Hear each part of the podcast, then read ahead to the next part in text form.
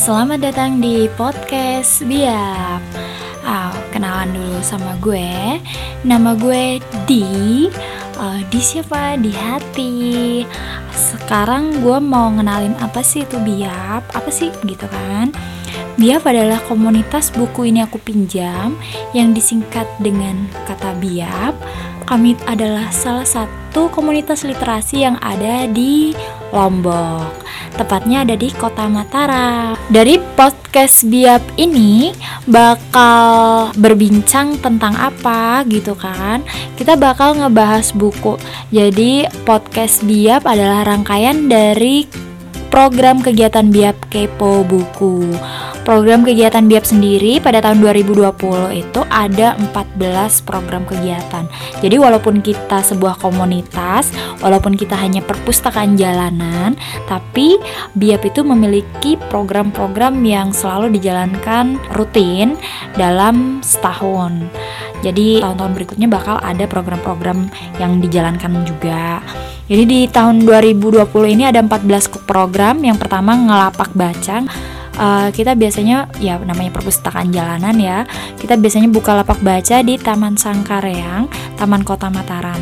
Kemudian ada book dating ada biap beraksi ada Valen Book ada book camp ngaji budaya, piknik buku, ada Ramadan ceria, festival biap, put war, kelas menulis online, ada kepo buku, podcast, dan terakhir ada kaleidoskop. Nah, buat kalian, buat teman-teman di luar sana yang mau ngepoin apa sih program-program biap yang tadi disebutin, kalian bisa langsung ngunjungin ke Instagram Biap di buku ini dot aku pinjam tuh. Nah untuk podcast Biap kali ini nggak kali ini ya, tapi bakal setahun ke depan gue nggak bakal sendirian gitu kan. Gue bakal juga ditemenin sama temen gue partner gue host kece kita. Iya iya. Jadi nggak cuman gue yang hostnya di sini. Ada kak Niza. Halo kak Niza. Halo. Annyeonghaseyo. Watashi no namae wa kak Niza imnida. Yoroshiku mas Oke, dia langsung pakai bahasa Jepang ya. Mentang-mentang gue nggak bisa bahasa Jepang, jadi dia udah udah pakai bahasa Jepang. Gue cuman hai hai aja itu sebenarnya blasteran Korea sama Jepang sih. Iya benar. Jadi awal-awal udah dengerinnya udah kayak bahasa Korea, terus uh, belakang-belakang udah bahasa Jepang aja gitu ya. Jadi gue yang nggak tahu jadi bakal langsung blank. Nah buat teman-teman yang di sana, yang di luar sana, pantengin terus podcast Biap. Kita ke depannya bakal ngobrolin tentang buku, bakal kepoin isi buku di bincang buku ini di podcast Biap ini. Jadi Kaniza, uh, yep kita bakal ngobrolin buku apa?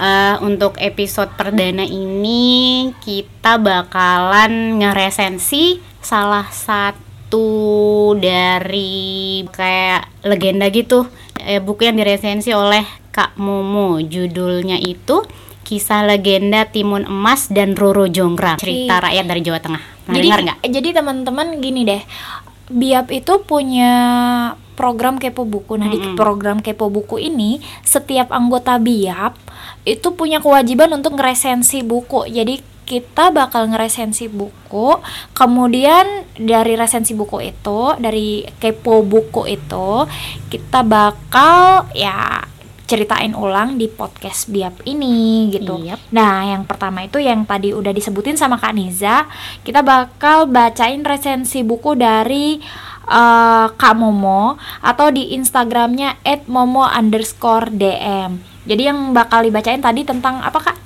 Tentang kisah legenda Timun Emas dan Roro Jonggrang. Wah, ini cerita rakyat dari Jawa, Jawa Tengah, Tengah ya. Kayak oh yang kalau yang masa-masa kecilnya dulu pas kita masih SD kayaknya kita pernah denger deh yang tentang Iya, ini. benar. Ya Jadi kan? kalau seumpamanya uh -huh. pas masih kecil dulu memang cerita-cerita rakyat ini mm -mm. juga ada nggak cuma di ini ya di sekolah-sekolah biasanya juga kita diajarkan di bahasa Indonesia tuh di buku ya buku-buku paket, paket bahasa uh, Indonesia Iya, biasanya di buku-buku paket udah ada tuh hmm. gitu kan.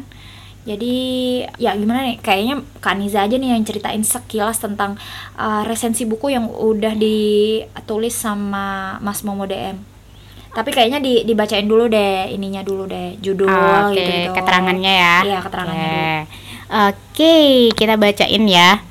Judulnya Kisah Legenda Timun Emas dan Rojonggrang, cerita rakyat dari Jawa Tengah. Penulis Puput Mugiati. Jumlah halaman ada 128. Penerbitnya Karya Gemilang Utama Surabaya. Diresensi oleh @momo underscore dm Di Instagram di ya. Instagramnya gitu.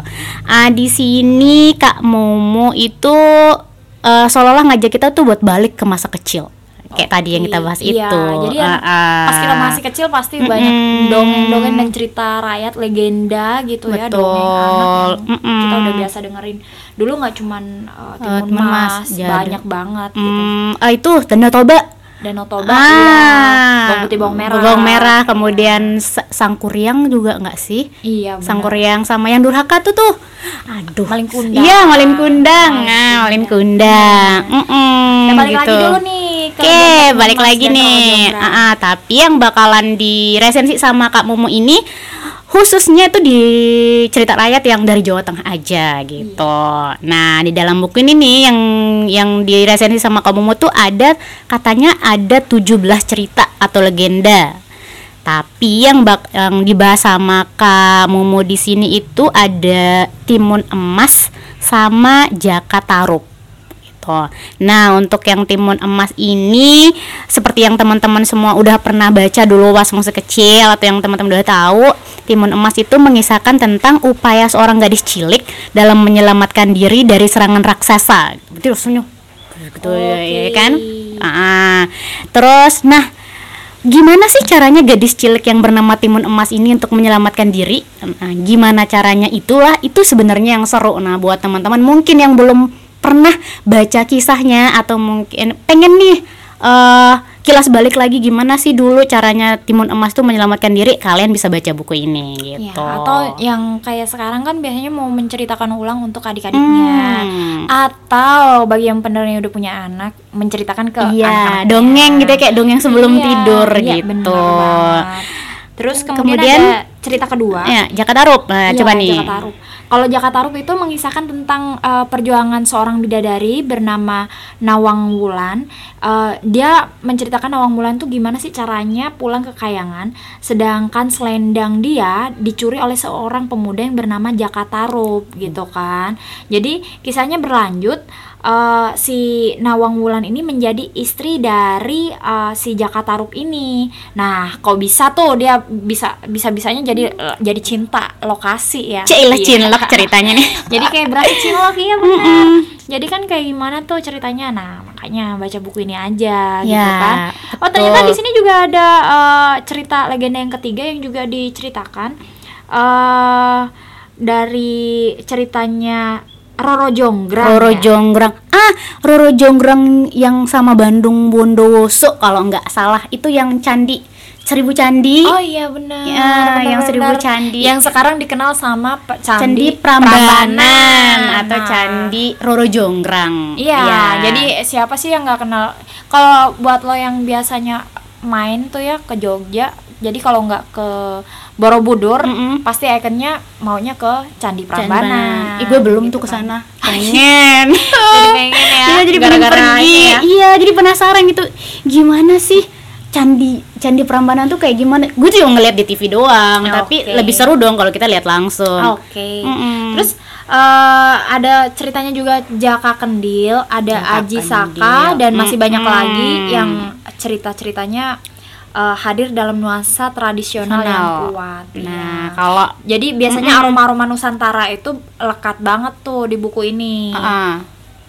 Kalau misalnya teman-teman penasaran, kan tadi tuh ada 17 katanya ada 17 cerita dalam satu buku gitu Nah, cerita kan. rakyat Ah, nih cerita ya. rakyat yang khususnya dari Jawa Tengah, legenda Iya, Jawa Tengah. benar-benar. Kalau mis eh, teman-teman penasaran banget nih apa sih? Apalagi ceritanya kayaknya 17 tuh banyak banget gitu kan. Pasti Banget, banyak yang iya. teman-teman mungkin belum tahu dan terutama saya juga saya juga baru tahu tuh jadi Jaka Kendil. Itu Jaka baru baru Kendil, ya, ya. baru dengar tuh, baru dengar tuh. Jadi penasaran nih sama Iya. bukunya. Terus kata Masmo nih ya, eh, kata Masmo di sini Mm-mm. kelebihan buku ini terletak pada cerita yang familiar. Jadi kalau udah Hmm. familiar tuh semua cerita yang ada di dalam buku ini bisa gampang banget untuk dipahami. Jadi nggak cuman orang tua, tapi anak-anak juga bisa mahamin buku Mm-mm. ini. Karena memang kebanyakan buku-buku cerita rakyat itu memang ditujukan untuk anak, biasanya seperti itu kan. Iya betul. Terus pesan moral yang ada di setiap eh, cerita itu terasa banget. Jadi tanpa tanpa menggurui gitu kan dari dari cerita-cerita rakyat yang dikemas itu ada pesan moral yang terselubung gitu. Ibarat katakan soft selling. Sia ile, soft selling. Ya ilah. Terus eh, kata Mas Mo juga di sini dituliskan bahwa kekurangan buku ini terletak pada minimnya gambar atau ilustrasi. Tapi Yes. memang benar sih ya. Kalau buku-buku anak memang harusnya Iya benar. diperbanyak. Ah, ah, di ke gambar, ilustrasi ilustrasi, gambarnya ah. karena anak lebih menarik di gambar. Mereka Iya. lebih senang kan Jadi di gambar. meskipun ada beberapa cerita taburan ilustrasi pendukung, tetapi di cerita lain sangat minim gitu kan. Jadi kurang menarik bagi anak-anak yang lebih menikmati buku secara visual. Nah, Tapi betul. eh, terlepas dari itu semua, buku ini sangat cocok untuk anak-anak usia membaca mahir. Iya, berarti jadi itu sekitar selain kelas SD SD gitu ya? Iya, yang udah-udah baca mahir Udah- gitu, udah maksudnya lancar udah udah gitu. lancar. Mm-mm. Terus selain pelajaran moral yang ada di buku ini juga bisa menjadi benteng bagi derasnya harus harus cerita kekinian. Iya Oh, benar iya, benar- sih. benar banget, benar Jadi sewaktu-waktu kan bisa menggerus cerita rakyat atau kearifan lokal nih. Jadi memang benar sih. Mas sekarang juga saya ngerasanya gitu. Iya Kita benar, lebih ke jadi anu, kan? bagus banget nih ya. Jadi Uh-uh. di uh, resensi buku pertama Biap Biap. di tahun 2020 20. diawali dengan cerita legenda rakyat gitu kan, cerita rakyat Hmm. gitu kan. Jadi wah, ini banget nih. Jadi buat kita jadi apa ya? flashback iya Ya, dan juga flashback kayak balik. secara nggak langsung melestarikan juga cerita-cerita Mm-mm, rakyat cerita atau rakyat. legenda-legenda yang memang kearifan lokal gitu kan nggak tergerus sama cerita-cerita kekiniannya Ah, ah, kayak, ya betul-betul Eh, cerita-cerita iya anak-anak. gitu kan Eh, buku ini eh, juga cocok untuk dibaca bagi pasangan muda sebagai bahan dongeng sebelum tidur dan meninabobokkan buah hatinya So Cile. sweet. So sweet banget ya Uh, tayang-tayang. Ah, jadi beliau berpesannya gini, ayo kenali kekayaan bangsamu lewat cerita rakyat Nusantara. Wih deh, keren. Dan memang Mas Mo ini adalah salah satu penulis cerita rakyat. Siapa sih yang nggak kenal sama Momo DM gitu kan? Karya-karyanya kayak di penghujung pelukan yang udah terbit di media kita. Terus ada beberapa juga di penerbit-penerbit indie juga gitu kan.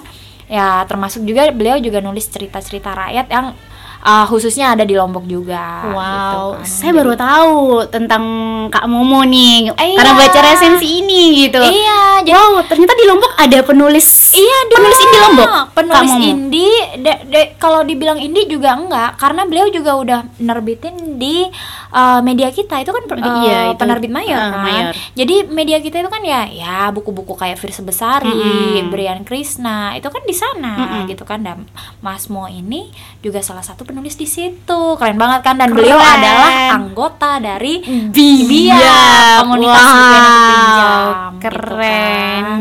Nah, kalau lo sendiri aduh lo cerita rakyat apa sih yang paling yang eh, cerita-cerita le- melegenda buat lo di masa kecil gitu. Ih, melegenda di masa kecil. Maksudnya yang berkesan Iya, banget gue ya. ngerti-ngerti. Eh, cerita masa kecil ya, yang melegenda yang paling yang masih gue inget ya ini Timun Emas. Jadi wa- waktu ngebaca resensinya Mas Mo langsung gitu, oh iya ya Timun Emas itu yang langsung teng deng gitu kan. Wah Timun Emas ceritanya waktu dia dikejar raksasa gitu kan. Iya. Ini kalau gue lanjutin spoiler nih. Spoiler, nih larinya nih. Kita kita di sini kan kepo buku, Iya, kita ngepoin buku dan bicain buku gitu kan. Biar mereka kan buat teman-teman yang di sana juga eh, mau gitu eh, akhirnya untuk membaca buku Hmm. ini gitu kan.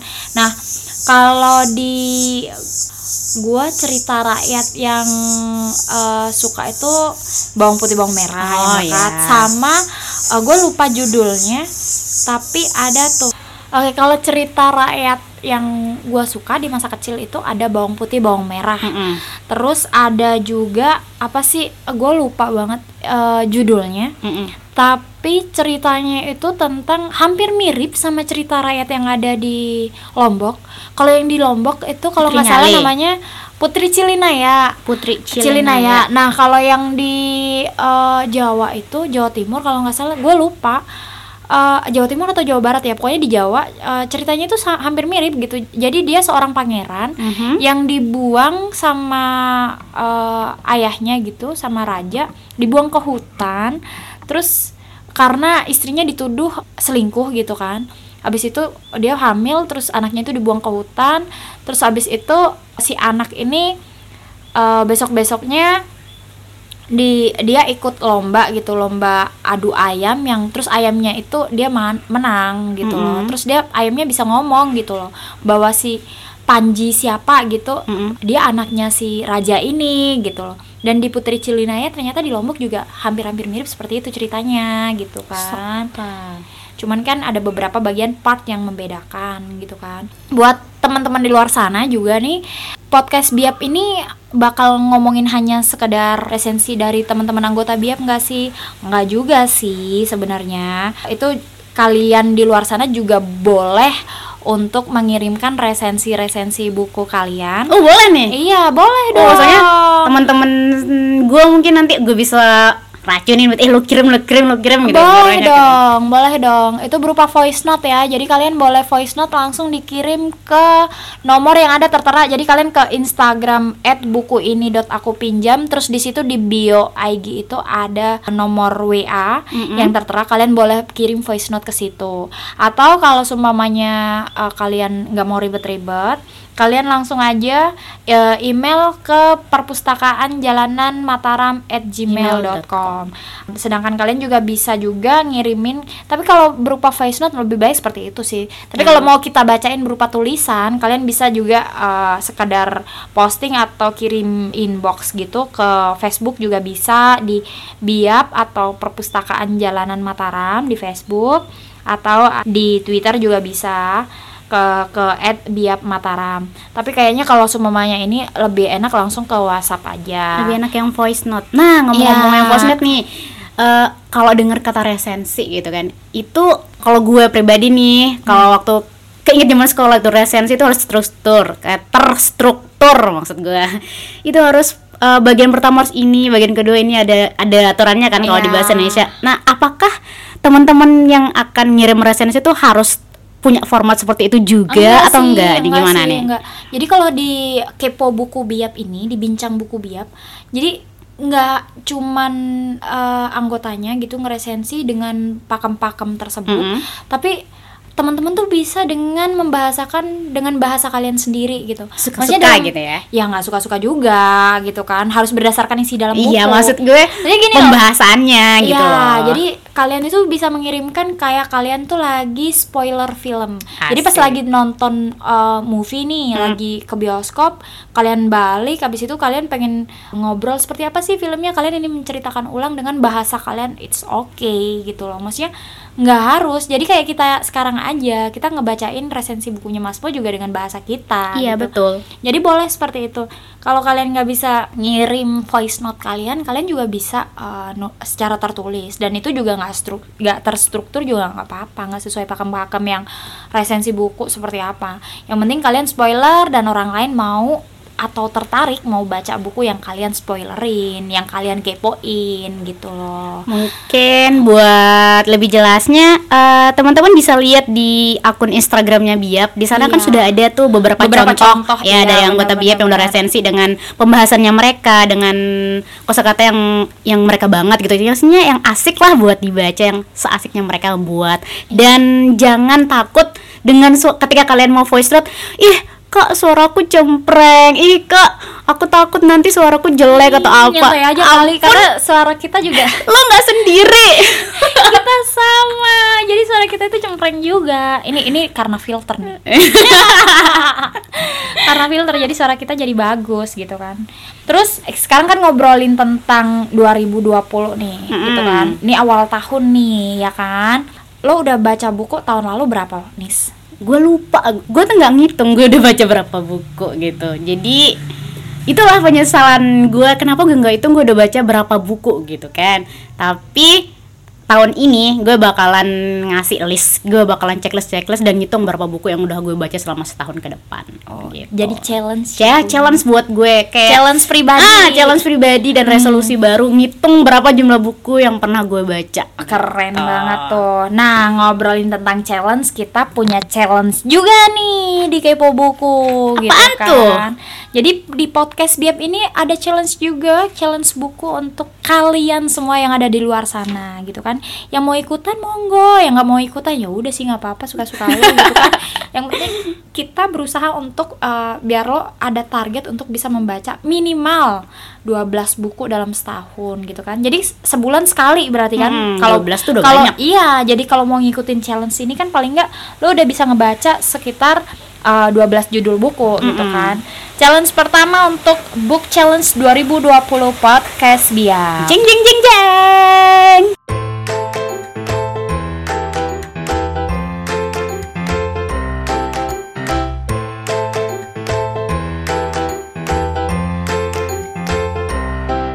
Januari nih nih nih biasanya nih ya untuk temen-temen yang suka banget baca buku atau kutu buku atau apalah namanya di luar sana pasti banyak tuh yang suka beli buku suka belinya doang bacanya entar-entar aja. Ya enggak? Jadi di Januari ini gue bakal nantang lo untuk baca timbunan buku yang udah lama banget lo beli tapi belum sama sekali lo baca. Jadi pasti deh di Rabuku lo ada satu atau lebih dari itu gitu kan. Udah bertahun-tahun lamanya buku itu ada di situ dan belum sama sekali belum lo baca. Itu adalah challenge untuk bulan Januari. Terus untuk Februari. Februari eh, challenge-nya itu lo baca buku rekomendasi dari temen lo. Terus untuk bulan Maret ada uh, challenge buku lo harus baca buku fiksi, tapi buku fiksinya adalah buku fiksi yang bergenre genrenya itu populer. Jadi genrenya genre fiksi, tapi maksudnya yang uh, populer yang ringan-ringan aja. Misal uh, buku-buku kayak Teen Lit atau Metropop atau ya intinya buku-buku yang uh, ringan aja deh. Kita udah masuk ke bulan April, kan Iza? Oh iya April tuh challenge-nya lo baca sastra klasik. novel Novel, klasik, tapi dalam iya, ya novel, sastra klasik itu banyak banget itu. banget Nah, ntar lo cari sendiri aja deh. tapi biasanya banyak juga ya Iya, banyak orang yang lebih demen di kayak challenge di bulan Maret kan fiksi yang populer Ya, gitu kan ah. eh, karya-karya dengan genre populer Mm-mm. gitu kan lebih ringan gitu kan sastra ringan. Sedangkan ini adalah sastra klasik yang Kesannya biasanya berat gitu ya. dan banyak teman-teman gue tuh yang memang kadang gue baca gitu kan terus gue ngepost gitu di story gue dia lu bacanya sok nyastra banget sih. Ini kan bacanya ini berat nih dan lama bla bla bla bla bla bla. Oh, oke gitu kan. Bahkan ada yang sampai membaca berbulan-bulan hanya untuk menamatkan satu novel sastra klasik. dan itu berbulan-bulan banget gitu Apalagi gua ntar ya. Kan ya Aku mudah-mudahan akan berusaha. Ah, gua makanya ini- bakalan ini, berusaha. Ini ini ini makanya kan jadi ada challenge ini kan buat teman-teman di luar sana ataupun kita sendiri mau baca sastra klasik uh, berupa novel sastra yang di habis selama satu bulan paling enggak tapi kalau buat teman-teman yang biasa udah uh, bacaannya sastra klasik gitu kan Ringan kayaknya. kayaknya buat mereka itu cuman sehari dua hari tuh udah Kayak cemilan gitu ya. iya udah habis gitu kalau kayak gue kan bisa bisa bertahun-tahun mungkin Apalagi gua. enggak sih enggak sih enggak sih gue paling paling lama itu baca sastra klasik itu dua minggu. Itu yang tebel banget. Dua minggu. Terus Bulan Mei nih. bulan Mei. Bulan Mei itu eh, challenge kita ada lo harus baca buku non fiksi baca buku non fiksi itu tapi kategorinya terserah Terserah ya. jadi misal buku traveling buku Ah. motivasi gitu-gitu kan jadi Oke. terserah lo uh, kategorinya seperti apa tapi untuk genrenya genre uh, Yang non-fiksi. non-fiksi. Oke. terus untuk bulan Juni bulan Juni di bulan Juni itu challenge-nya lo baca buku puisi entah tuh buku puisi yang penulisnya siapa bisa Om Jokpin sama kayak puisinya Sapardi Djoko Damono Iya. gitu kan. Hujan di bulan Juni. Mm-mm. kalau buku-bukunya Joko Pinurbo beda lagi. Yang terbaru itu kan ada Hongguan. Iya Kongguan yang itu. abis di perjamuan Kongguan. Iya, itu iya, itu mm. keren banget. Eh, jadi di bulan eh, Juni uh, tantangannya adalah kalian membaca buku puisi. Jadi harapannya jangan cuma satu puisi sih ya, bisa beberapa buku puisi karena buku puisi kan uh, tipis, Tipis-tipis. ya dan bacanya juga nggak terlalu panjang gitu kan.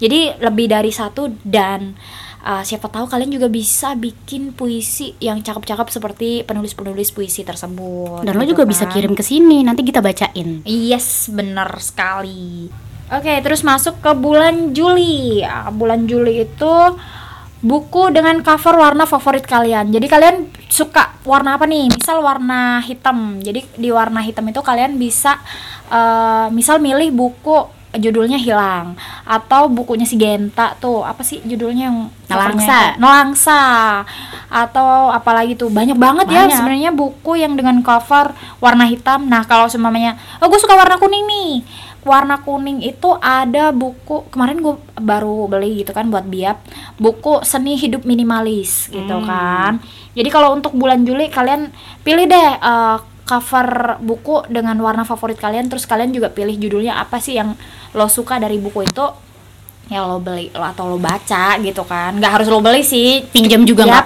juga nggak apa-apa. apa-apa gitu kan Itu pun kalau dikasih minjem. pasti dikasih lah terus untuk bulan Agustus Agustus. Oke, di challenge bulan Agustus kita nantang kalian buat baca buku dari penulis favoritnya kalian. Pasti punya dong penulis favorit gitu kan. Nah, dari sekian banyak penulis favorit itu pilih deh satu buku satu penulis favorit yang kalian favoritin banget dan lo baca bukunya gitu. dan itu pasti keren banget Banget karena lo bacanya dari penulis favorit lo ya Iya. kan.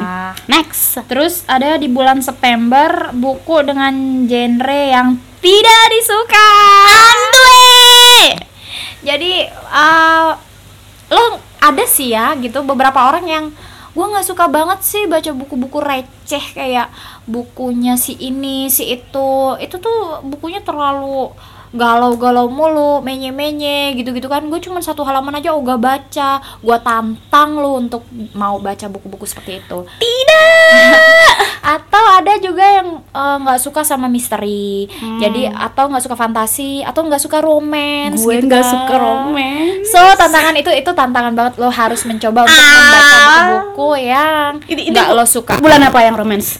Itu bulan September, itu September. bulan Oke, masih September. lama. Gue akan menyiapkan mental. Ya terserah sih bukan romance sih maksudnya apa pun yang teman-teman di luar sana yang lo nggak suka sama genre itu dan lo harus tertantang untuk membaca buku tersebut gitu kan. Oke. Terus kita masuk di bulan Oktober.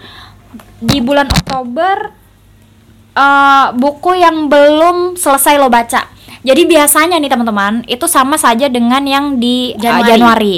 Tapi bedanya kalau yang di Januari itu ditimbun tahunan dan lama dan biasanya nggak disentuh sama sekali, cuman dibeli abis itu ditumpuk.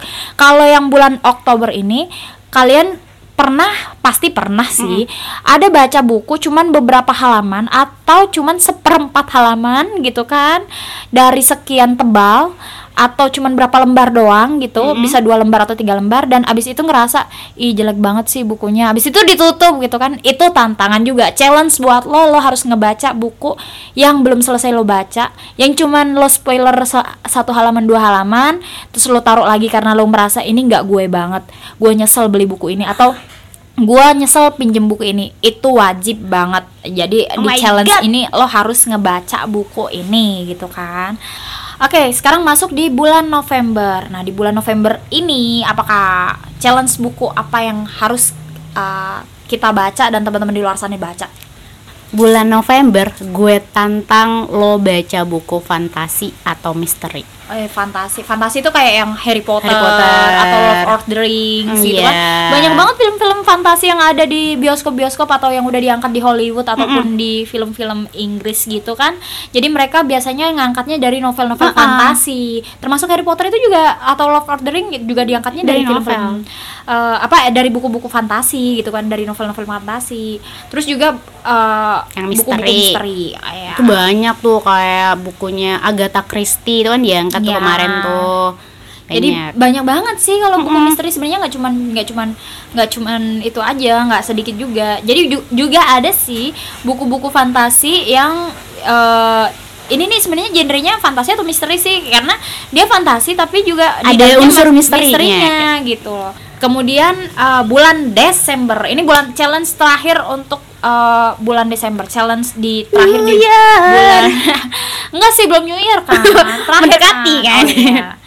Itu ada temanya buku yang bergenre uh, sebenarnya boleh novel, boleh buku-buku yang non fiksi juga, tapi bertema keluarga. Keluarga gitu. Oh. Iya, kan momennya tepat tuh. Hangatan. Kan ada kan uh, buku misal judul buku ayah kalau nggak buku itu, terus ada buku yang judulnya ibu atau moms apa gitu kan, gue Mm-mm. lupa banget ya. jujur, jujur lupa banyak lupa judul tapi uh, Pernah baca apa- gitu. pernah baca iya dan juga uh, banyak dengar gitu kan. Maksudnya uh, tahu juga gitu.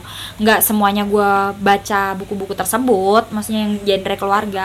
Itu deh 12 challenge. Iya, daftar challenge tahun tahun 2020. Jadi kalian nggak bakal kebingungan kalau kalian uh, ngikutin challenge kita tiap bulannya dan kita bakal ngingetin tiap bulan gitu kan di awal bulan ngingetin untuk challenge kita. Jadi kalian juga nggak akan kebingungan mau baca buku apa lagi nih Iya. gitu kan. Selain buku yang kalian baca. Jadi kan udah 12 challenge itu udah kalian simpan, udah kalian baca, siapa tahu juga di luar itu kan kalian baca buku yang sesuai dengan mood kalian atau sesuka hati kalian gitu kan. Jadi semakin banyak tuh, udah 12, terus kalian baca-baca di luar itu juga, jadi semakin banyak buku yang kalian baca. Jadi nggak setahun cuman sekali doang. Sip. Oke, abis itu apa lagi nih kak? Kayaknya challenge buku udah. Udah. Perkenalin perkenalin diri udah. Udah. Terus ngenalin biap juga udah, Udah. gitu kan. Makan. Resensi juga udah. Makan belum? Ntar abis ini berarti. Oke. Jadi gitu aja mungkin dari kita. Kita ketemu lagi di podcast biap episode berikutnya. Episode selanjutnya. Selanjutnya ya kita bakal ngebacain resensi buku dari teman biap yang lain. Penasaran? Pasti penasaran banget. Iya. Aku juga penasaran mau bacain resensi dari teman-teman biak. Iya dong. Dan jangan lupa resensi buku Anda juga disiapkan. Oh iya, aku lupa. Eh minggu minggu ini kayaknya gue deh. Gue Februari deh, masih lama. Februari udah, udah bulan depan. Ah, ya setidaknya masih lama itu kan harinya. Iya deh, serah lu deh ya. Ngeles ya udah deh kalau gitu eh, terima kasih buat teman-teman yang masih setia dengerin yang nggak skip skip ngedengerinnya dan maaf mohon maaf karena ini adalah episode pertama kita kayaknya Iya. mungkin kaku atau gimana atau kalian boleh ngasih kritik atau masukan atau yang ya masukan yang membangun ya, Ya, kritik eh, juga yang kritik yang membangun, membangun, gitu kan gitu. jadi kan biar kita juga cuap-cuapnya enak Enak ke gitu kan. gitu kan episode ya enjoy dan buat kalian yang juga pengen cuap-cuap sama kita juga boleh kirimkan voice note kalian gitu kan atau mau di kapan sih kalian mau uh, siaran podcast lagi rekaman podcast lagi gitu kan. Boleh hubungin gua juga. Tanya langsung aja di di WA Biab di Instagram Biab di @buku ini aku pinjam Oke deh kalau gitu terima kasih. See you. Bye, annyeong, sayonara.